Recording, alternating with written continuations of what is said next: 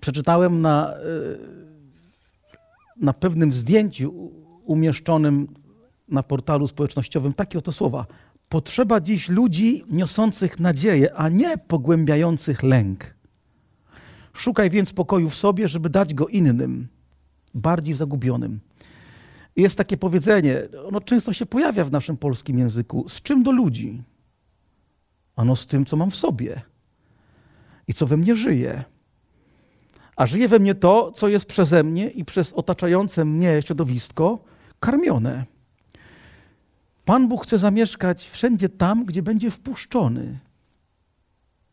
Więc widząc w sobie rozmaite miejsca, które czuję, że potrzebują być nakarmione pokojem, dobrocią, łagodnością, miłością, cierpliwością, troską, wrażliwością, wpuszczać tam Pana. Panie, zapraszam Cię tutaj, żeby, no z czym do ludzi? Z, z tym, co Ty mi przynosisz, a przynosisz mi to, czym Twoje serce żyje.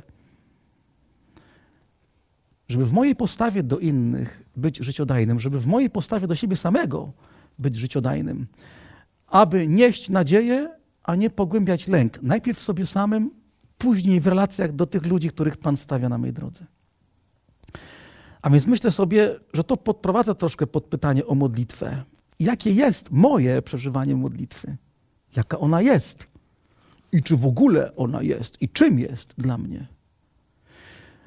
Bo mam tego doświadczenie i przypuszczam, że wy także, że różne sytuacje życiowe sprawiają nieraz, że patrzenie na wszystko bardzo się zawęża. Stąd się bierze to powiedzenie, że ma się klapki na oczach. Że jak do głosu dochodzą trudne myśli, jakieś emocje, które są negatywne, trudne, lęk, to zawęża się horyzont i człowiek tak trochę się kurczy, trochę się czegoś obawia.